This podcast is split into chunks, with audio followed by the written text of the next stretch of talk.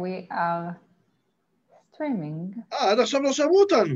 שמעו אותנו, זה מה שהסברתי לך. ברגע שאני עושה share, שומעים את כל הבלבולי מוח שלך. אז למה רק עכשיו יש לי סטרימינג? זה מעלה טיפה מלפני. הבנתי. רגע, אני אשים על שקט, שלא יהיה פה שכונה. אה, זה את צפצפת לי עם ה live שלך. זה כבר שכונה, כבר! כבר אה. שכונה. בסדר. שכונה is my middle name. אבירם neighborhood שפיץ. אפשר להתחיל? כן, בבקשה. תודה. ברוכים הבאים לפודקאסט שלנו, הכל הקואוצ'ר, הפודקאסט עם כל מה שמאמן צריך. בתוכנית אנחנו הולכים לדבר על אימון, על שיווק, על ניהול עסק ועל כל מה שתצטרכו כמאמנים כדי להצליח. בכל תוכנית הפורמט יהיה בדיוק כמו בפגישה אימונית. בחלק הראשון נדבר על הא ודא בזמן שאתם מכינים את הקפה. בחלק השני נציב מטרה מדויקת לפרק של היום.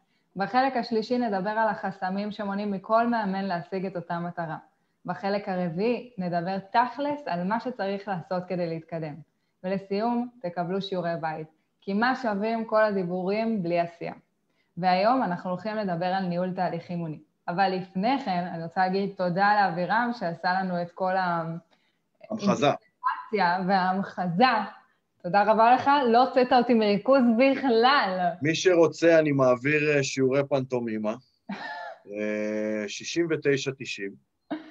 אלוהים, בשבתות, רק יש בשבת. לי עסק, עם מי? תרתי משמע. אז אבירם, מה קורה? איך עבר מצוין. מה חדש? שני דברים. הראשון, אתה מבשר להם או אני מבשרת להם?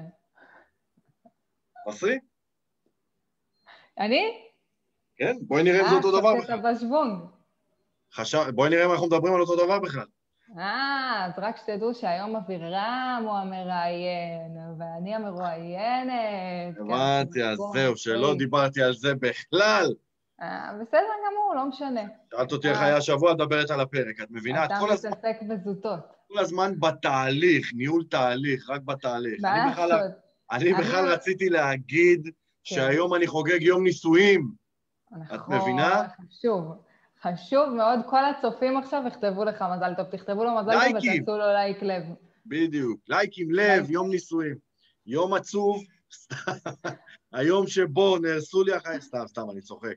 אה, יום כמו. נישואים מספר חמש, אה, יש לזה שם לחמישי, לא? לא, או. ל-25 אולי. זה בטוח, גם לחמש יש את השם. אם יש שם, לח... לדעתי יש. אה, אה, אה, צופים יקרים. השם הוא חמסה. חמסה, חמסה, חמסה. לא, לא, יש שם, יש שם. אם יש שם ליום נישואים מספר חמש, תכתבו לנו. אני חושב שיש שם. יש לזה איזה, זה איזשהו הישג. עברנו דרך. אתה צודק. אז זה הדבר הראשון. הדבר השני, שהוא יותר אבדה מרגיז, ואמרתי, אני אחכה איתו לפרק. רציתי להעלות וידאו כבר אתמול, אבל אמרתי, אני אחכה איתו לפרק.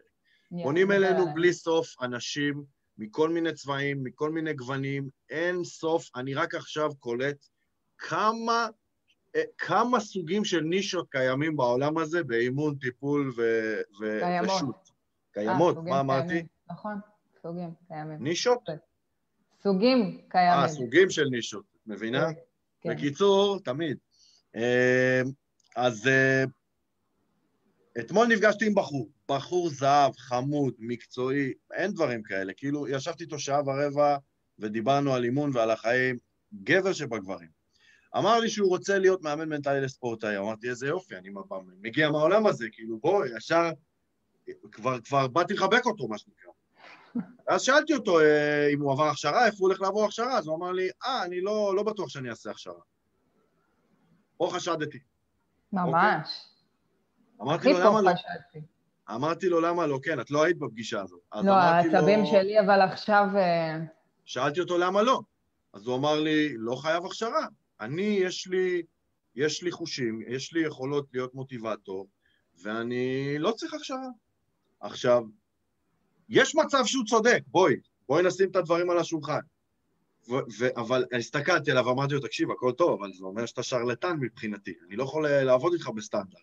אבירם, מה זה יש מצב שהוא צודק? איפה המצב שהוא צודק? לגבי זה שיש לו יכולות לתת מוטיבציה ולהעצים אנשים? אה, בסדר, יש לך יכולות, גם לי היו יכולות, אבל זה עדיין לא לא. סותר את זה שהוא יכול לעשות באותה מידה גם נזק. אין ספק, אין ספק. אז אמרתי לו, לא, זה שאתה שזה לא מוטיבטור... ישתמע ככה. לא, לא, לא. לא, לא, לא, לא. יש לו יכולות, אין לו הכשרה, בסדר? אז אני אומר, זה שיש לך יכולות, לכל המאמנים היו יכולות לפני שהם הלכו ללמוד אימון, אבל כולם הלכו לקבל הכשרה, כולם, כולם הלכו לקבל הכשרה. אז, אה, אז אמרתי לו, מבחינתי אתה שרלטן, אני לא יכול לעבוד איתך. אז הוא אמר לי, הוא אמר לי את המשפט הבא, האם בהכרח מאמן שעבר הכשרה הוא מאמן טוב? אמרתי לו, מה פתאום? בכלל לא. הגושפנקה לא אומרת שהוא מאמן טוב. פה אני ואת נכנסים לתמונה כדי לעשות אותו מאמן ואיש עסקים טוב, ולעמוד בסטנדרטים וכל זה, וגם אם הוא לא יעבוד איתנו, זה ממש לא אומר שהוא מאמן טוב. אבל יש מצב שהוא יהיה מאמן טוב.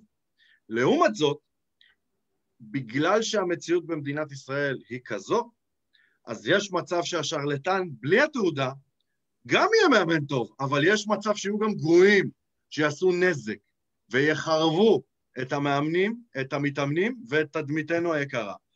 ואז הוא אמר לי, זה נשמע שאתה נורא כועס עליי. אז אמרתי לו, אני בכלל לא כועס עליך, להפך, אני מעריך אותך על זה שאתה הולך להגשים את החלומות שלך. אני כועס, אני כועס על המציאות שבה אני נמצא. אוקיי? והיה לנו דיון נורא מעניין, אני באמת לא כועס עליו. הוא יכול, אפשר. הוא יכול לעשות את זה. לצערנו הוא יכול. אז אין מה לכעוס עליו. מה אפשר לכעוס עליו? הוא לא אשם. מי שאשם זה האנשים uh, למעלה. אתה יודע, זה קטע, כי הרגע סיימתי שיחה עם מאמנת על זה בטלפון, והיא אמרה לי, נטלי, אני רוצה להצטרף למאבק שלכם, כי אני מלא פעמים פוגשת מאמנים, ואת יודעת, מהתעניינות, אני שואלת אותם איפה הם למדו, כי אמרתי, אולי הם למדו איפה שאני למדתי, אולי זה, שואלת אותם איפה הם למדו, אה, לא למדנו. מה זה לא למדנו? מה זה? למה, יש פסיכולוג שיגיד שהוא פסיכולוג והוא לא למד, כאילו, מי שמע על דבר כזה? להיות מאמן בלי ללמוד. להיות פסיכולוג בלי ללמוד. להיות, לא יודעת מה, בלי ללמוד. הדוגמה הכי יפה שמצאתי זה שהאם מחר, בלי הכשרה, אני יכול ללכת ולעשות טיפול בלייזר לבחורות להסרת שיער, לנשים, למרות שגם גברים עושים את זה. אני יכול לעשות את זה? לא. האם אני יכול להפעיל את המכשיר הזה? לא, כי יש מצב שהמכשיר הזה יעשה נזק, כי אני לא יודע איך לעבוד איתו, אבל אני יכול לעשות. אם מישהו מוכנה להיות... אני מזמין אתכם לבוא לנסות אצלי... אוי די, אבירם, חלאס, פה. סתם, סתם. אז אני אומר, אף אחד לא מעלה בדעתו שאני אוכל לעשות את זה ללא הכשרה, כי מן הסתם אני יכול לעשות נזק. ואני שואל, מה ההבדל בין מכשיר לייזר להסרת שיער לבין מכשיר שקוראים לו אימון? אני אגיד לך מה ההבדל. שבלייזר רואים את הצלקות. זה ההבדל. פה בפנים לא רואים. לא רואים. לא רואים, צריך uh, להיות טיפה רגיש וטיפה אנושי בשביל להבין אותם, אבל בסדר, זה בדיוק המקום של המאבק שלנו. אבל בגלל שזה לא שיעור על מאבק, או... הבנתי, הבנתי. כן, כן, זה, מה שנקרא האבדה. זה האבדה, אבל אה, אדון אה, מנהל התהליך להיום, אולי תשים לב ככה לזמנים ולזה. כן, היום אני אחראי על הזמנים. היום אני אחראי על הזמנים, היום אנחנו עושים דבר והיפוכו, אני המראיין והיא המרואיינת, מה שאומר שיהיה קטסטרופה. מה שאומר שאנחנו נסיים בארבע. כן, אז קדימה, בואי נצלול ישר לחומר, גברתי היקרה. מה מטרת הפרק? אז מטרת הפרק היא ללמוד איך לנהל תהליך אימוני איכותי במקצועיות. וזה החלק שלי בתור סופרוויזרית, גם בסטנדרט וגם בכלל. גם בפורום. וגם בפורום, מן הסתם. אני תמיד אומר, הסופרוויזרית של היקום. של היקום, הופה, איזה טייטל קיבלת, אני מקווה שאני אעמוד בו. עמדת, את עומדת בכבוד, כן. אז אה, מהמקום הזה, אנחנו צריכים רגע לדבר על אה, איך מנהלים את התהליך הזה. אז עכשיו אתם גם מבינים למה אני המראיין היום, כי זה לגמרי החלק של נטלי. הוא לא מקצועי. ואני, אפרופו שרלטנים, כן, אפרופו שרלטנות, פעם, אני משתף את כולם בדיון קצר שהיה לנו, פעם מאמנת אחת uh, שאלה שאלה, ואני עניתי לה בתגובות, שאלה מקצועית. ונטלי פנתה אליי בפרטי, יש לה את המספר שלי, והיא uh, אמרה לי שהתשובה שנתתי לה לא טובה, לא לעניין, ושאני אמנע. אז אמרתי לה, נטלי, מדובר פה במאמן עם ניסיון מ-2013. מה זאת אומרת תשובה לא... זה מה שאני הייתי עושה. אז היא אמרה לי, אבירם, האם הוסמכת כסופרוויזר? האם יש לך הכשרה לאמן מאמנים? חד משמעית אין לי, לא מתכנן להוציא גם. אמרה לי, אז זאת, זאת שרלטנות באותה מידה, ואם אתה באמת רוצה לעמוד בסטנדרטים שלנו, אסור לך לעשות את זה יותר. ואתם יודעים מה? אחת הפעמים שאמרתי, צודקת, קשה לי להגיד את זה, אני אדם, אני תינוק, אבל אמרתי את זה כי היא צודקת, ואם אני עומד מאחורי המילים שלי ומאמין בלא אה, להיות שרלטן, אז אני לקחתי צעד אחורה מהמקום הזה, מאותו רגע. נטלי ממונה בבלעדיות מוחלטת על כל הפן המקצועי. תודה, תודה. ואני על הפן העסקי. אז זה ההיבט הזה, וחזרנו לענייננו. יאללה. אז מטרת הפרק היא איך לנהל תהליך אימוני, או כמו שאני אוהב לומר, איך לנהל את הפורמט. אם ניקח את זה קצת. לפן העסקי, את את הפורמט. ה framing. את ה framing, yes, את ה framing. אז מה בעצם החסמים? מה הסיפור? למה מאמנים מתקשים עם העניין הזה? טוב, זו שאלה מצוינת, וקודם כל אני עכשיו חושב... תעלה לבד. I know. אה, אז קודם כל אני חושבת שהרעיון, שהדבר הזה מתחיל מנקודה מאוד מאוד אה, גדולה, ממקרו לצורך העניין, של הפוקוס של אותם מאמנים. כי הפוקוס שאנחנו רגילים לתת באימון הוא פוקוס רק על, על המתאמן, ועל ההצלחה של המתאמן, ועל ההגעה שלו לתוצאות. ואז כל מה שאנחנו עושים מגיע מתוך הפוקוס שלנו במתאמן. אבל כל הרעיון הוא- אבל כל הרעיון הוא באמת בשביל המתאמן, כאילו, מה... נכון. מה... אבל יש פה דבר אחד קטן שאנחנו נראה אותו גם בהמשך, כמה הוא משפיע, שאנחנו שוכחים. שכשאנחנו משקיעים רק במתאמן, אנחנו בעצם שמים רגע בצד את המקצועיות שלנו, את האיכות של התהליך שאנחנו מעבירים. ובסופו של דבר זה פוגע במתאמן. אי אפשר להגיד שלא. אבל רגע, רון תמיד מגיב לנו שהלימודים הכי טובים שהוא עושה בחיים זה בזכות המתאמנים שלו. אז מדהים. כאילו... איך? הוא מדהים, הוא צודק, אבל אתה יודע מה הוא אומר פה במילים אחרות? הוא אומר, יש חלק בפוקוס שלי שמתמקד גם בי. שכשאני מסתכל על המתאמן שלי, אני מסתכל גם בדרך מסוימת על עצמי. וזה מדהים, והלוואי וכל המאמנים היו עושים את זה. אבל אז, וזה מוביל אותי למחסום השני, עדיין חסר פה משהו. כי לא מספיק שאני קצת מסתכל על עצמי, אם אני עושה את זה, מה שנקרא פרי סטייל, ואין לי איזשהו system שאומר מתי אני מסתכל על מה, מה אני עושה נכון או לא נכון, איפה אני מציב לעצמי יעדים, איפה אני שואל את עצמי שאלות, אז עדיין זה כאילו משהו ברמת ה... מקבל איזה פוקוס קטן כזה בצד, אבל לא מספיק. לא מספיק. זה אומר שאם, מה זאת אומרת פרי סטייל? זה אומר שאני הולך לאימון עכשיו, ובעצם התפיסה של, ה- התפיסה האימונית אומרת שאני בא עם אה, אה, אה, ארגז שאלות, ובעצם האימון הולך לאן שהמתאמן לוקח אותו עם תשובותיו. במקסימום אני מכין שאלות, וגם זה לא בטוח, כי השאלות נגזרת של השיח. אז מה זאת אומרת פרי סטייל? זה, זה האיש, זה המהות של האימון. קודם כל, לא כל אחד מכין את עצמו עם שאלות. דבר שני, הרבה מכינים את עצמם עם שאלות לגבי המתאמן, אבל לא מכינים את עצמם עם שאלות לגבי המאמן, וניגע בזה קצת יותר כשאנחנו ניגע גם בפרקטיקה. אבל כן חשוב להגיד, לצורך העניין, אני אתן לזה דוגמה, בסדר? אחת המאמנות שיתפה אותנו בקבוצה שמפריע לה מאוד כש... כשאנשים אומרים לה, מתאמנים אומרים לה שהם לא יודעים משהו. אני לא יודע את זה, ושואלים עוד שאלה, וגם את זה אני לא יודע, ועוד שאלה, וגם את זה אני לא יודע, לא יודע, לא יודע, לא יודע, בסדר? ואז מה שקורה זה שבאימון הבא היא מנסה להכין את עצמה לגבי המתאמן, היא אומרת למה הוא לא יודע. היא כאילו מנסה להתמקד בזה, אבל לפעמים זה תלוי בנו. איך אני מגיב כשהוא אומר לי לא יודע? כי אני לא חייבת למצוא לו את הפתרונות. זה שהוא לא יודע לא אומר שאני צריכה לתת לו תשובות, נכון? זה כן. עוד סוג של חסם, כי אנחנו כל הזמן רוצים לרצות את המתאמן, ואז אנחנו נלחצים מההתנגדויות האלה, ואנחנו מנסים למצוא פתרון, שהוא יהיה מרוצה. נכון. ואז אפרופו. אנחנו עושים טעויות מקצועיות. זה אפרופו גם חסם שהוא קצת עסקי, כי אני אומר לעצמי, אם אני לא ארצה את המתאמן שלי, לא בטוח שהוא יישאר המתאמן שלי, ואז ההכנסה שלי תרד. כי אני נכון. בסוף גם מתפרנס מזה. תשמע, אז- גם במכירה, כשנותנים התנגדות, אנחנו בסוף עונים ממקום מקצועי. אנחנו לא יכולים לענות ממקום שאומר, אה, אוקיי, מה, מה המתאמן שלי רוצה לשמוע, נכון? אנחנו רוצים לענות לא ממקום של באמת, הוא עכשיו שומע משהו שהוא עוזר לו. אבל זה, זה מה שאני אומר, בואי נצא מנקודת הנחה, כאילו, אני מתאר לך מציאות, יש לי שניים, שלושה מתאמנים, מכניסים לי גג 4,000 שקל בחודש, נאמר, אוקיי, לא באמת כסף, אז מבחינתי כל מתאמן כזה זה הישרדות כלכלית. אז עכשיו אני בדילמה של בין האיש מקצוע לבין האיש עסקים שצריך להתפרנס ולשלם חשבון, חשבונות בבית, ואני אומר, רגע, רגע, רגע, המתאמן עכשיו אומר לי, לא יודע. אני מנסה לשאול אותו עוד שאלה, לא יודע. אני מנסה לשאול אותו עוד שאלה, לא יודע. ומתעצבן. ואני אומר, אולי אני אענה לו, אולי אני אעזור לו. שלא יהיה לו מרוצה, כי הוא לא יחזור, ואז אני אפגע כלכלית גם. אתה נותן לו עצה. אמת, כדי שיישאר. כדי שיישאר.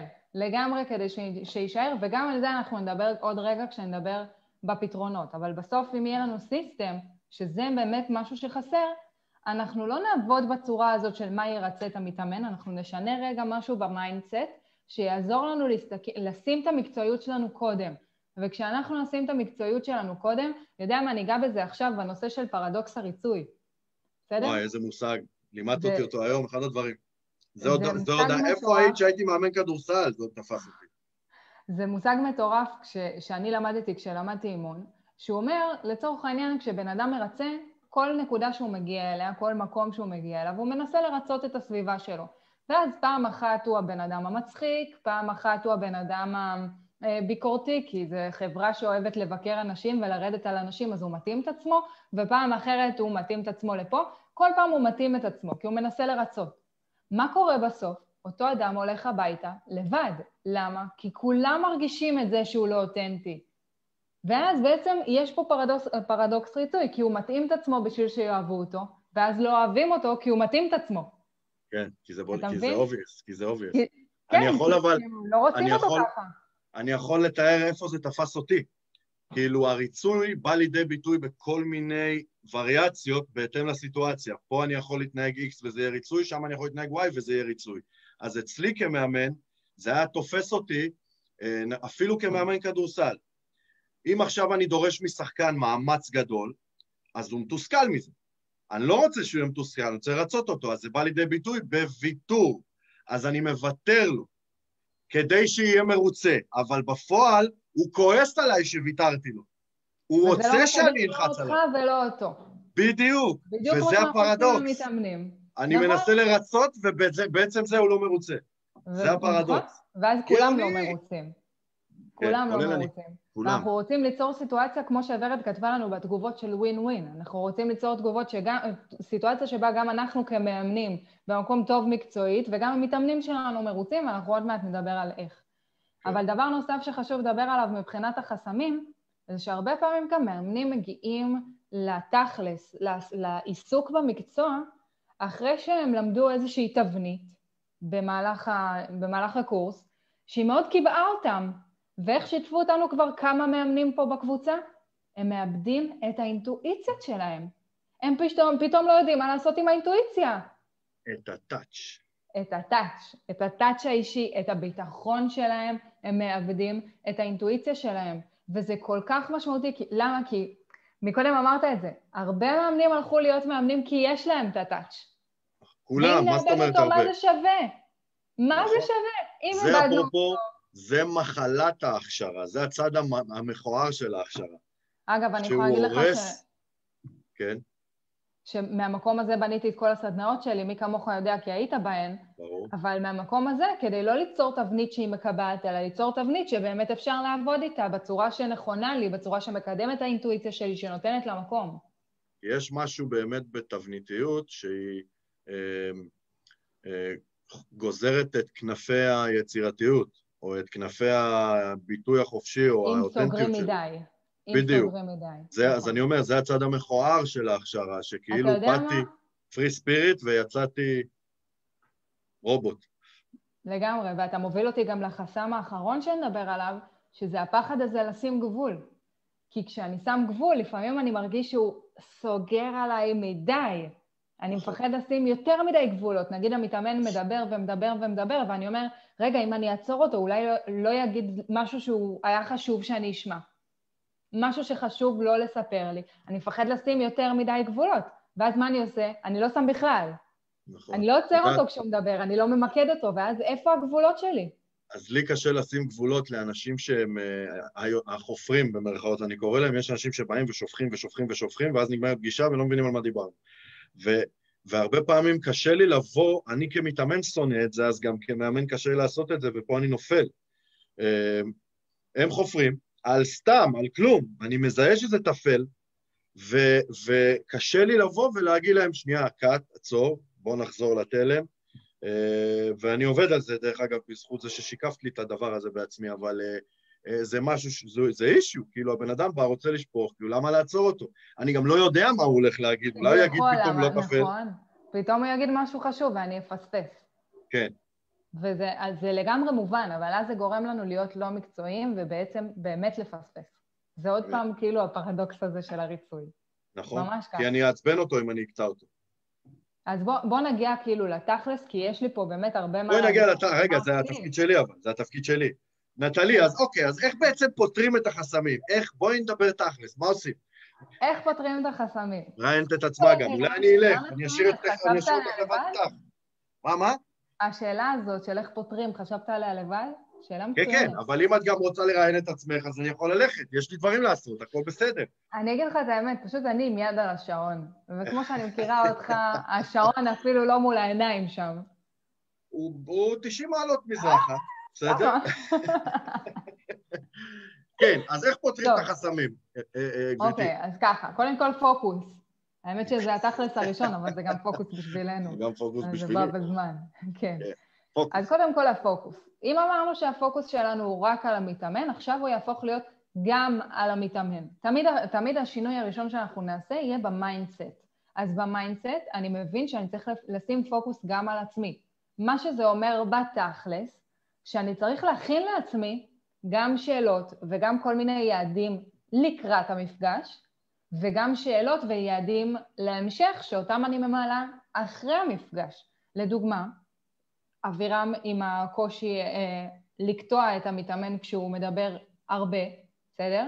אז היעד למפגש הבא יהיה לשים לו גבול ולמקד אותו בזמן שהוא מדבר הרבה יותר מדי, אוקיי? ואז אני יכולה להגיד, היעד שלי להיום בתור מאמנת אה, זה לתת לו לדבר עד שתי דקות רצוף. ואז בסדר? זה כאילו, זה- זה- זה זה קטע, כי זה בכלל לא אישיו של המתאמן, זה לא קשור אליו. נכון, זה לא קשור אליו. וגם יש פה מסר מאוד משמעותי שאנחנו מעבירים למתאמן, כי כנראה שמה שקורה לו זה שאת אותם בלבולי מוח הוא עושה גם בחוץ. בסדר? סליחה שאני קוראת לזה בלבול, בלבולי מוח, אבל הרעיון הוא להעביר שהדיבורים האלה אין בהם הרבה אה, משמעות, זה דיבורים שהם דיבורי סרק, בסדר? אז את אותם דיבורים הוא עושה גם בחוץ. ואת אותה עשייה שהוא לא עושה במפגש כי הוא אוהב לדבר, הוא לא עושה גם בחיים האישיים. ברגע שאני ממקד אותו, זה אומר שאני במ- במובן מסוים מוביל אותו לעשייה. כן. ואז גם- מיקדתי אותו במפגש, זה אומר שמיקדתי אותו בחיים האישיים שלו, באיזשהו מקום זה סוג של שיקוף. נכון? עוד הנה, פעם אתה עושה את זה. ובום נהייתי מקצועי. יותר. נכון, וואי, לא חשבתי על זה, זה גדול. בום נהייתי היי, מקצועי יותר, אתה מבין? סטינו שוב, בוא נחזור, סטינו, כמו שאתה עושה לי בזה, בפודקאסט. נכון, ממקד אותך, בום, יאללה, אבירם, זמנים. מעניין, זה משהו שקשה לי לעשות למתאמנים שלי, ומסתבר שאני עושה את זה בחיי האישיים, מה פרויד היה אומר על זה? וואי, נטלי אומרת שכשאני מאבחנת אה, דפוס מסוים, הוא קורה גם במקומות אחרים. אז הנה. טוב, אז אה, דבר נוסף שאנחנו רוצים ליצור בעצם, הוא איזשהו פריים או פורמט שאיתו עובדים. זאת אומרת, לא כל פעם אני רוצה אה, לבנות לי משהו אחר לקראת הפגישה, לא כל פעם אנחנו, אני רוצה לשאול את עצמי שאלות אחרות אחרי הפגישה, אלא אני רוצה, אגב, אה, דודי נאמן שאל אותנו בקבוצה, בפורום, עם איזה פורמט אנחנו עובדים באימון, ושיתפתי אותו בשלי, אז אם אתם רוצים גם תסתכלו, אבל לי יש פורמט קבוע של שאלות לפני האימון, שאלות הכנה לאימון, שאלות בזמן האימון ושאלות אחרי האימון, ויש בהם גם התמקדות על המתאמן וגם עליי, וכל מאמן חייב שיהיה לו דבר כזה. משהו קבוע שהוא עובד איתו, שבונה לו איזשהו system מסודר, ועוזר לו להיות מקצועי יותר ולא לעבוד פרי סטייל. אין יותר לי- free style. תני לי רגע דוגמה לשאלה שאני שואל את עצמי עליי בסוף אימון. בסוף אימון. אוקיי, שאלה אחת שיכולה להיות, שהיא מאוד קשה בדרך כלל למאמנים, זה מה הייתה ההצלחה שלי היום? עכשיו, שלי. זה קצת מתקשר... כן. עכשיו, זה קצת מתקשר גם למה שדיברנו לפני, כי אם הצבתי לעצמי יעד, אם עמדתי ביעד הזה, אז יש לי הצלחה. עכשיו, הרבה פעמים למאמנים מאוד חשוב לשאול אותם, את המתאמנים שלהם, מה הייתה ההצלחה שלהם היום? מאוד חשוב להם, והם גם מצפים שהמתאמן ידע לענות. אבל כשהם שואלים את עצמם מה הייתה ההצלחה שלי היום, פתאום צרצרים. נכון. צרצרים. אין, הם לא עונים. למה? כי הם לא יודעים להגדיר את ההצלחות של עצמם. ואם אנחנו רוצים להיות walk the talk, שאנחנו כל הזמן מדברים עליו, אנחנו צריכים לדעת להגדיר גם הצלחות שלנו וגם הצלחות של המתאמנים שלנו. זה ממש? לשקף לעצמי את מה שאני עשיתי. אז לצורך העניין, הצלחה שלי באימון, אה, היום, עם, אה, לא משנה, עם יוסי, הצלחתי לעצור את החפירות. בול. אם עמדתי ביעד, הייתה לי פה הצלחה, ואז אני גם מרגישה יותר טוב, כי אני רואה שאני מתקדמת. כן. וסבירות גבוהה מאוד, שגם האימון היה יותר אפקטיבי בזכות זה. ברור, מה זאת אומרת? ויוסי היה כנראה גם מבסוט עליי, או שכן או שלא. כן, וזה גם הוביל אותי לדבר אחד שחשוב להגיד פה, שמה קורה כשאנחנו בעצם רוצים לרצות? אנחנו מתמקדים בלרצות כאן ועכשיו. אנחנו מתמקדים במה קורה ברגע הזה, בטווח הקצר. אנחנו מרצים בטווח הקצר. בטווח הארוך אנחנו לא מרצים, כי אף אחד לא מרוצה. נכון. אז באותה מידה שאתה אומר, יוסי כנראה יצא מהאימון מרוצה, אולי באותו רגע שקטעת אותו, שעצרת אותו ואמרת לו, רגע, רגע, רגע, בוא נפקס, הוא יגיד לך, אה, לא מרוצה. אבל כשהוא יתחיל ליצור עשייה בעקבות זה, הוא יראה שהוא כן מרוצה. והוא יעריך אותך על זה שמיקדת אותו, והוא יעריך אותך על זה ששמת לו את הגבול הזה. כי זה הביא אותו... שגם, גם באיזשהו מקום יוסי הגיע לאימון בהבנה מסוימת, בסיסית, שיש לכל אה, אזרח בעולם, שאימון זה לא דבר קל. יכול להיות, ויכול להיות שהוא ציפה שיהיה לו קל, כי, כי אם יוסי לא אוהב לעשות, זה כי הוא מעדיף להימנע מקושי. בסדר? כן, אבל זה... הבנתי. אבל. בסופו של דבר זה ממש... לא, זה פשוט ממש מחבר, כי אם הדפוס שלו הוא כזה שאוהב לדבר על דברים ולא לעשות אותם, אז יכול להיות שהוא גם לא רוצה להתמודד עם הקושי הזה. בסדר? אבל בגדול מה שאני אומרת זה שהמאמן צריך במקום להתמקד על, על תוצאה באותו רגע ולתת לה להרגיש טוב באותו רגע, להגיד לו בוא נסתכל קדימה. אם זה יעזור לך להגיע למטרה שלך, אתה תהיה מרוצה, הוא יגיד כן, יאללה, מצוין, בוא נמשיך. האמת היא שזה מזכיר לי שפתאום תופס את עצמי שלא פעם אני מקבל לפעמים שיקוף, לא פעם אני מקבל לפעמים שיקופים, זה משפט יפה, אה, ממתאמנים שלי באיזשהו שלב בתהליך, שהם אומרים לי, אני מרגיש שאני ממש מתוסכל, אני מרגיש שבוער בי משהו, אני מרגיש הר געש מבפנים וכולי, אני מרגיש שאני לא מצליח להתקדם, בלה בלה בלה בלה בלה. ואני אומר להם תמיד את התשובה הבאה, אתה נמצא בדיוק במקום שאתה, יש לי טקסט, אתה נמצא בדיוק במקום שאתה אמור להיות בו מבחינת התהליך. אתה חי את הכאן ועכשיו, אני רואה את התמונה הגדולה. וזה נורא מרגיע אותם. בטח. זה נורא מרגיע אותם. כי יש על מי לסמוך. כן. לגמרי. וזה, וזה ממש חשוב, וככה גם יוצרים באמת מקצועיות, כי אחרי זה הוא יגיד, המאמן שלי מקצועי. כן. כשהוא יראה שהוא הגיע למטרה שלו, הוא יגיד, המאמן שלי היה מקצועי, וזה ייצור לך עוד פה לאוזן וכולי וכולי. אבל כן. בואו נדבר על עוד דברים שחשוב לעשות, כי דיברנו על האינטואיציה, שאני יודעת שזה נושא שמטריד הרבה מאמנים, ושקשה להם מאוד לאבד את האינטואיציה שלהם, ואני אומרת, הפתרון הוא פשוט לסמוך על המוח. עכשיו, נכון, זה נשמע פשוט, וזה נש... נשמע, סליחה, לא פשוט, וזה נשמע מאוד אמורפי, אבל איך עושים את זה תכלס? אז אותם מאמנים שמפחדים מצד אחד לפעול על פי האינטואיציה, ומצד שני לא לפעול על פי האינטואיציה, צריכים לעשות דבר אחד, פשוט חוק השלוש, בסדר? פעם ראשונה, להגיד, לכתוב לעצמם בצד מה האינטואיציה שלהם הייתה, ולבדוק בהמשך אם זה היה נכון או לא נכון, בסדר? פעם שנייה, עוד פעם, לכתוב בצד שיש להם איזושהי אינטואיציה, לבדוק בהמשך אם זה היה נכון או לא נכון. פעם שלישית שהאינטואיצ... שהם כתבו את האינטואיציה והיא התגשמה, וזה היה נכון, אז זה כבר לא סתם אינטואיציה, זה כבר מקצועי, בסדר? זו כבר מקצועיות. ואז אפשר לסמוך על האינטואיציה. למה? כי פעם ראשונה שהאינטואיציה שלי צדקה, בסדר, פוקס, סבבה? פעם שנייה, גם פוקס, מקרה, גורל, לא משנה, בסדר? פעם שלישית, יש פה משהו, ואתם יכולים לסמוך על המוח שלכם. ואתם יכולים לסמוך על האינטואיציות שלכם. וזו הדרך להשלים עם האינטואיציה ולהבין שהאינטואיציה שלכם זה סך הכל כל האותות שהתת מודע בעצם קולט והופך אותם למסר. בסדר? וככל שתאמנו את התת מודע על מה הוא צריך לקלוט, יהיה לו יותר מסרים והאינטואיציה שלכם תהיה חזקה יותר. זה בעצם החיבור של האדם האינסטינקטיבי עם החושים, so called, שהייתי לפני ההכשרה שלי, בצירוף הכלים שרכשתי. בול. ולא שהכלים שרכשתי ישמידו את האינטואיטיבי שהייתי לפני. אם אנחנו נשמיד את האינטואיטיבי, אין בנו שום דבר מיוחד בתור מאמנים. שום דבר. אני בדיוק כמו עוד, כמו שאמרת, אה, פס ייצור, נכון? ייצור. מייצרים מאמנים. אז אני עוד מאמן שייצרו בקורס, ו... בסדר? זה לא שווה כלום. אנחנו צריכים בסוף שביעת אצבע ייחודית גם ברמה המקצועית, ומי שנולד עם זה, נולד עם זה, תשתמשו בזה, זה מדהים. זה הדבר חושב. האחרון שאני רוצה להגיד ככה ברמה הפרקטית, זה שזה גם משימה, ו- ונראה לי שיש לנו פה מלא משימות לתת uh, שיעורי בית, זה לתרגל גבולות. כי מי שמפחד לשים גבול באימון, כנראה מפחד לשים גבול גם מחוץ לאימון. ולכן הוא צריך לתרגל לשים גבולות בחוץ, ואז באימון יהיה לו קל יותר. בסדר?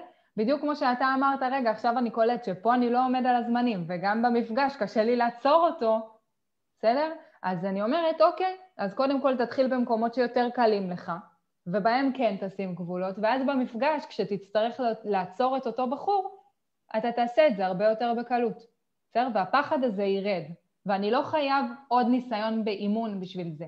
אני חייב לתרגל את זה בחוץ, ובשביל זה אני אחזור להתחלה, אני חייבת את כל התהליך שבעצם בנינו, בסדר? את כל הסיסטם עם השאלות לעצמי והיעדים לעצמי וכולי, שבסוף אני יודעת חד משמעית שאני הולך לתרגל את זה. את יודעת שהייתה לי מרצה בגומה, שהייתה תותחית על, והיא מיד זיהתה שאני אה, סטודנט שאוכל את הראש, אז היא כל פעם הייתה עושה לי ככה, אני הייתי מדבר, ואז היא הייתה עושה לי ככה. את התנועה הזאת. גדול. כל פעם היא הייתה מחרפנת אותי. בסוף שנה הם עשו פעילות בגומה, הם, היא לקחה כובע עם השמות של כולנו, כולל את שלה בפנים, כל אחד הושיט, שלף פתק, נגיד אני שלפתי נטלי, אז אני צריך להגיד מילות סיכום ופרידה לנטלי. כל מי שיוצא לו בפתק אומר לא, מה הוא ראה לה והיה איזושהי הכוונה. ויצא לי, ענת, המרצה, כך יצא. אני ראיתי את זה, שלפתי את הפתק, הגיע התור שלי, אמרתי לה, טוב, יצא לי ענת, את לא עושה לי ככה. ככה, ככה התחלתי, וקדחתי שם, כל פעם היא הייתה עושה לי ככה. עכשיו, כמתאמן זה מעצבן אותי ברמות, זה לקטוע אותי בפנטומימה, ומי כמוך יודעת מה אני אה, פחות אה, אוהב בחיים האלה. אבל אני נורא אוהב את זה. אה, ואפרופו, העניין הזה של הלא יודע, רציתי לגעת בו בנקודה. בדיוק כמו שבפרק שדיברנו על המכירות, רגע, מה קרה לזום? את איתי עדיין? אה, כן. הנה, בסדר, לא יודע, התמזערה לי התמונה פתאום. בדיוק כמו בפרק של המכירות, שאמרתי שאפשר להפתיע אותנו רק פעם אחת, אוקיי? ואז תלכו הביתה ותחשבו על תשובה שפעם באה יהיה לכם בשלוף תשובה, כי זה יקרה שוב על אותו משקל בדיוק קורה באימון המקצועי. אז כשמאמן אומר לי, לא יודע פעם ראשונה, בסדר, הוא תפס אותי לא מוכן, ועכשיו בסוף האימון אני הולך לטופס סיכום אימון עם השאלות שלי, ושואל את עצמי, מה אני עונה בפעם הבאה שמתאמן אומר לי לא יודע? או בפעם הבאה שמאמן חופר, אה, מתאמן חופר, או בפעם הבאה שאני לא יודע מה, ואני מכין את התשובה מראש, אוקיי? ואני עובד עם סופרוויזר. חד משמעית. עובד אחרת לא יהיה לי את הטופס, יהיה לי את הטופס. ככה אני מתקדם, ככה אני מתקדם. כן. עכשיו, אני רוצה להגיד שגם אורי כתב לנו פה בתגובות שיש לו דילמה עם מתאמן המון זמן והוא מתקשה לפתור. בדיוק בשביל זה עושים את כל הדברים שדיברתי עליהם עכשיו. בדיוק בשביל זה, בשביל שהדילמות האלה לא יהיו המון זמן, אלא אנחנו נעלה אותם למודע מאוד מהר, ואנחנו נפתור אותם מאוד מהר, ואנחנו נהיה מקצועיים יותר, יותר מאוד מהר. בסדר? וזה הפתרון. אז לסיכום ככה, שיעורי בית. רגע, אבל שאורי יכתוב את הדילמה, לא? הוא השאיר אותי סקרן פה. אמ, הוא יכול לכתוב ונענה על זה אחר כך, אבל כרגע אנחנו צריכים... אז אה, בואי נחזור למסלול בבקשה, אה, אה, נטלי. טוב, אז שיעורי בית. שיעורי בית, כן, מה שיעורי הבית של הפרק הזה, נטלי? כל, כל מאמן צריך ליצור לעצמו את הסיסטם שעל בסיסו הוא עובד, עם השאלות והיעדים, גם עבורו וגם עבור המתאמן. הוא מכין את עצמו גם לאימון שלו, אישית, למשהו שהוא צריך לעבור אישית ולהתמודד איתו וכולי, וגם לאימון של המתאמן. ואחר כך הוא מסכם באותה מידה. גם עליו וגם על המתאמן, נתנו על זה דוגמאות בפרק, לא נראה לי שיש סיבה אה, ככה להרחיב, אבל זה גם מביא אותי לזה שבסופו של דבר מה שזה אומר זה להשקיע בתהליך האישי שלנו כמאמנים. אתה יודע שהעברתי את, ה, את הסדנה הזאת על איך עושים, איך, איך עוברים בעצם את התהליך האישי הזה, איזה שאלות כדאי לשאול, איזה שאלות כדאי לשאול את עצמנו, מה זה אומר, על מה אנחנו צריכים להעלות לעצמנו למודעות. אנשים נגנבו, כי הם אמרו לי, כאילו, מה, זה, זה רמה, זה, מה זה הדיוק הזה? כאילו, זה לחשוב על דברים שבחיים הם לא חושבים עליהם. ואני אומרת, לא. אנחנו בדרך כלל נוטים לוותר על הצעד המקצועי, כי בסוף, מה לעשות, הוא לא זה שכביכול מכניס לנו כסף לבנק, בסדר? אז אנחנו שמים אותו בצד. אנחנו משקיעים יותר בשיווק, משקיעים יותר במה שיכניס לנו כסף בסופו של דבר, ואנחנו כאילו מוותרים. אני אומרת, לא, אין סיכוי, ואני רוצה, אני אשתף רגע את המסך, כי אני רוצה שהם יראו משהו שככה הכנו להם. הכינותך, הכינותך מראש. במקרה הכינותי מראש, כן. במקרך. במקרך. אז ככה. אין על המעגלים שלך. זה, אין מה לעשות, זה, זה אני. אז זה סוג של מעגל תקיעות מסוים, שאותו יש למאמנים, שברגע שהם מתחילים, אנחנו מתחילים מפה בעצם, ברגע שהם מוותרים על supervision, הם מתחילים להיתקל בהמון התנגדויות, גם במכירה וגם באימון, בסדר? כי אמרנו את המשפט הזה, והוא אפילו כתוב בקאבר של הפורום, שיווק יפתח את הדלת למתאמנים שלך, המקצועיות שלך היא זו שתשאיר אותם בפנים. כן. אז ברגע שאני לא מקצועי, אני גם לא מוכר. וברגע השיווק, שאני לא מקצועי... השיווק זה בסך הכל הטלפון צלצל, פה נגמר השיווק. נכון. השיווק מגיע עד לרגע שבו אני... אני את הלו. אני עונה את ההלו ואומר, ואומרים לי, היי, נעים מאוד, אני רוצה אימון. בסדר? נגמר השיווק. שם. שם מתחילים שני שלבים של מכירה ושל תהליך אימוני. בסדר? עכשיו, במכירה אני חייבת להיות מקצועית, כי אם אני לא אהיה מקצועית אף אחד לא יקנה. ובאימון אני חייבת להיות מקצועית, כי אם אני לא אהיה מקצועית, וזה מוביל אותי להמשך של המעגל, המתאמן או הלקוח לא יהיה מרוצה, בסדר? הלקוח זה בשלב שהוא עוד לא התחיל להתאמן אצלי, אוקיי? אז הוא לא יהיה מרוצה. ואז הוא או שהוא לא יסגור, או שהוא יעזוב אותי במהלך התהליך, ואני אהיה מתוסכלת, ואז אני גם לא אתפרנס מאימון, כי יש לי פחות סגירות ויש לי מתאמנים שעוזבים אותי באמצע, זה כן. פחות כסף. ואז עוד פעם אני אגיד, אין לי הרבה כסף, אני מוותרת על supervision.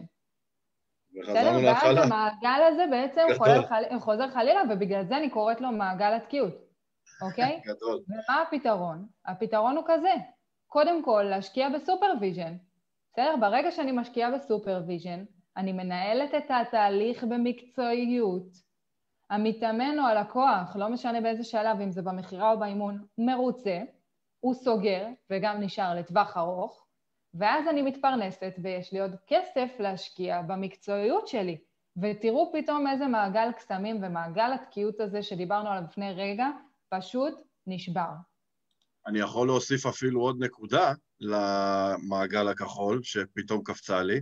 שבשלב שאנחנו מתפרנסים, באיזשהו שלב אנחנו כבר הופכים להיות יותר מקצועיים ויותר מקצועיים, והשווי שלנו הולך ועולה, ואז אנחנו לא רק מתפרנסים, אנחנו כבר מתפרנסים טוב. נכון, זה הצד העסקי שלו. אנחנו מתפרנסים טוב מאוד. זה הצד העסקי שלי נכנס לשם, כי בסוף, בסוף, בסוף, בסוף, כל מוצר, יש לו רמת גימור מסוימת, איכות מסוימת, רולס רויס וסוזוקי לא נמכרים באותו מחיר, לא יעזור, אוקיי? אז מה שהופך את הרולס רויס לרולס רויס, זה לא רמת השיווק של המוצר, אלא זה הרולס רויס עצמה. נכון, זה המוצר וכש... עצמו. בדיוק. לא, לסוזוקי יש אחלה אנשי שיווק ומכירות, שלא תטעו, אבל הם לא יכולים למכור סוזוקי במחיר של רולס רויס, כי לא יעזור, רולס רויס הוא מוצר איכותי. וכשמאמנים יבינו את זה, אז הם, אה, השיווק א' יהיה יותר קל, רולס רויס לא צריכים להשקיע בשיווק יותר מדי. ו, ו, ואנשים יקנו רק כי הם יודעים שהמוצר ברמה מאוד מאוד גבוהה. אז קודם כל אני חושבת שזה גם מה שאנחנו מנסים בסוף לעשות עם סטנדרט, כי סטנדרט הולך להיות מותג, ומתאמנים יקנו סטנדרט כי הם רוצים סטנדרט, זה כן. אחד. הרולס רויס של האימון. מזה, אבל אני אגיד יותר מזה, כי זה הכאב האישי שלי רגע. ברגע שמוותרים על המקצועיות מבחינתי, יש בנו משהו שאומר, וואלה, באמת אפשר להיות מאמן בלי להיות מקצועי. באמת אפשר להיות מאמן כביכול בלי לעשות קורס, בלי להשתפר מקצועית, בלי לעשות תהליך. יש בנו משהו שמסכים עם להשאיר את המקצוע הזה לא מספיק מקצועי ולא מספיק טוב. ואולי במקומות מסוימים, כשאני לא יודע איך לפעול, לעשות נזק למתאמנים שלי. למה? כי כשאני נותן עצה ואני לא מוסמך ליועץ, אלא אני מאמן, יכול להיות שהעצה שלי לא נכונה לאותו מתאמן, והיא תעשה לו נזק. אם הוא ילך אחריי, אני, היא תעשה לו פשוט נזק. ואני רוצה להגיד לכל מי שצופה בנו עכשיו, שאם אתם נמצאים במקומות האלה, שיש לכם הרבה דילמות, או שיש לכם התנגדויות באימון שאתם לא יודעים להתמודד איתן, כמו אותה מאמנת ששיתפה אותנו על אותו מתאמן, שכל הזמן אומר לא יודע, בסדר? אם אין לכם מספיק לקוחות שממליצים עליכם ועושים לכם מפה לאוזן, כי בסוף לקוח מרוצה ומתאמן מרוצה זה מתאמן שמביא לכם עוד מתאמנים, אז אנחנו בנינו תוכנית בסטנדרט שאומרת, אנחנו לא מוותרים על supervision. אנחנו שמים את זה כחלק מהדברים ואנחנו נותנים מעטפת שלמה שתעזור לכם להתמודד עם כל הדבר הזה, שלא תצטרכו לוותר על כלום, גם במחיר שהוא כאילו לקחתם קורס מקצועי אחד. קורס עסקי אחד. קורס, קורס עסקי אחד, נכון. זה ממש במחיר שהוא כאילו לקחתם רק קורס אחד, אנחנו נותנים מעטפת שלמה, ואני באמת אומרת, מאמן שמרגיש שזה מה שהוא צריך, ושהוא צריך את המעטפת הזאת, ושהוא רוצה וחשוב לו להשקיע במקצועיות שלו ולעשות סטנדרטיזציה לתחום, שאגב היום אותה מאמנת שדיברה איתי והתעצבנה על השרלטנים אמרה לי, נטלי, אני לא אצטרף עכשיו כי העסק שלי כבר עובד, אבל אני עוד מעט אצטרף אליכם בתוכנית בוגרים שהולכת להיות לנו, לא דיברנו עליה כל כך, אבל בהמשך עוד נספר עליה. היא אמרה לי, אני רוצה להצטרף אליכם למאבק. אני חייבת להצטרף אליכם למאבק, כי מבחינתי כל אותם שרלטנים עושים לי רע ופוגעים לי בתדמית. אז כן. כל מי שמתחבר או לרמה של המאבק, או שבאמת צריך את המעטפת הזאת ורוצה להשקיע במקצועיות שלו, אנחנו נשאיר לכם כמו תמיד את הלינק שלנו להצטרפות לסטנדרט, להגשת מועמדות ולשאלון, ואני חושבת שזה הדבר הראשון שאתם יכולים לעשות ויעלה ויקפיץ את המקצועיות שלכם. אפרופו, טוב שנגעת בנקודה של השאלון, כי כאילו זאת הסיבה שהשאלון נמצא שם מלכתחילה, כדי. שנוכל לסנן, כאילו, שתבינו, עסקית זה הדבר הכי גרוע שיכול להיות בעולם. אני מסנן לקוחות שרוצים לשלם לי את מיטב כספם כדי להיכנס, אבל אני חייב לעמוד בערך שלנו, שהוא גדול מהעסק, שאומר סטנדרט, ואז אני שם, אנחנו שמים את השאלון הזה, באמת כדי לסנן, כאילו, קיבלנו שאלונים בקצב של, בדיוק דיברנו על זה היום, בקצב של 1-2 ליום, וסגרנו רק ארבעה, איך זה יכול להיות, אוקיי? וזה לא נפל על מחיר ברוב המקרים. איך זה יכול להיות? כי זה לא אה, רואה את העולם כמונו, וזה לא מאמין במאבק כמונו, וזה לא יושב על הסטנדרט כמוך, וזה בעד לתת עצות, וזה למד שככה, וההוא למד שככה, וזה לא סיים פה, וזה לא סיים שם. נטלי כל היום שוללת לי אנשים, היא משגעת אותי, אוקיי? לא, לא, אל תגרום להם לחשוב שאני שללתי את כולם, אה, לא. אני שללתי אחד עד עכשיו. אבל לא, לא, אני, אני צוחק, אבל כאילו זה חייב להיות, בגלל זה השאלון קיים שם, זה יותר חשוב לנו הערך הזה יותר חשוב לנו מההצלחה העסקית. ממש ככה. זה עומד זה... בראש, כי בשביל ליצור מותג, כמו שאמרת ברולס רויס, ובן הוסיף עליך בתגובות, הרולס רויס של האימון. כן, זה סטנדרט. אמרתי את זה גם, אמרתי את זה גם. בן, אנחנו קונים רולס רויס ביחד, בן? בן המאמן. בשביל ליצור סטנדרט חייב להשקיע במוצר עצמו. עוד נקודה שרציתי להוסיף, מאחר ואני מתמחה... איזה כיף שאתה אחראי על הזמנים. איזה כיף. מדהים. אמרתי לך שיהיה קטסטרופה. אמ, קטעת לי את זכות המחשבה. מאחר ו... מה רציתי להגיד? אה, מאחר ואני מתמחה באימון המנטלי אצלי בפריצת מחסומים, אז אני יודע שאחד המחסומים הגדולים ב- בלקחת סופרוויזר אישי, הוא המעגל הזה שציינת, ש- שזה העניין של אין לי כסף, אני צריך להשקיע ב... אני עושה לי מה שנקרא רשימת סדר עדיפויות, וואלה, supervision בסוף, כאילו, זה הרוב זה מה שהמאמנים חושבים לרובם, וגם אין חוק שאומר חייב, לדעתי בפסיכולוגיה יש חוק שאומר חובה לעבור איזושהי הדרכה. אצלנו אין, לא, לא, אין גם חובה להוציא תעודה בתכלס. אז אנחנו באנו ואמרנו ככה, אוקיי? בגישת אחד ועוד אחד במשביר לצרכן. קונים קורס עסקי, מקבלים supervision בפנים, לא צריך לשלם על זה, ואת הקורס העסקי גם ככה קונים. זה באמת באותו מחיר. אז איזה סיבה יש לא לרצות? זה, זה משהו שאני לעולם לא אבין. supervision זה הקורס העסקי הטוב ביותר שמאמן יכול לקחת, ואני הבנתי את זה מאוחר מדי. וזה אחת הסיבות להצלחה העסקית שלי כמאמן. אתה יודע אה. שזה מצחיק להגיד, אבל גם אני הבנתי את זה מאוחר מדי, כי אם הייתי מבינה את זה מוקדם, היום הייתי כבר אחרי 7,000 סדנאות. אבל זה קטע, סופרוויזרית היא היועצת העסקית, היועצת העסקית הטובה ביותר. המקצועית. נכון. העסקית, בכוונה עסקית אמרתי, מקצועית, כן. לא נכון. צריך, כאילו, זה, זה כאילו יבוא אה, אה, מומחה לרכבים, יבדוק את הרולס רויס ויגיד, זה צריך לשפר, זה צריך לשפר, זה צריך לשפר, עכשיו המניה של רולס רויס עלתה. זה supervisor, וזה הכי. עסקי שיש. אוקיי. אז אה, קוריוז. קוריוז. אתה רוצה לסכם או שאני אסכם? כן, אני רוצה לסכם אה, בתור, אה, התבלבלתי פה בתפקידים. בתור המראיין, האחראי פה על הפורמט, עם מה אתם יוצאים מהפרק? מה לקחתם? מה הכי אהבתם? אה, אה, מה הציטוט המנצח מבחינתכם? אם יש לכם שאלה, לייקים. עשו לך הרבה לייקים היום, שתדע. האם יש שם ליום הנישואים החמישי? וכל תגובה כזאת או אחרת תתקבל בברכה ובאהבה.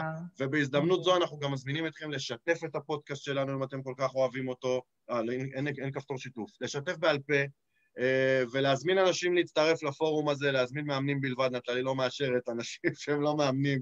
יש אה, שיתוף ביוטיוב.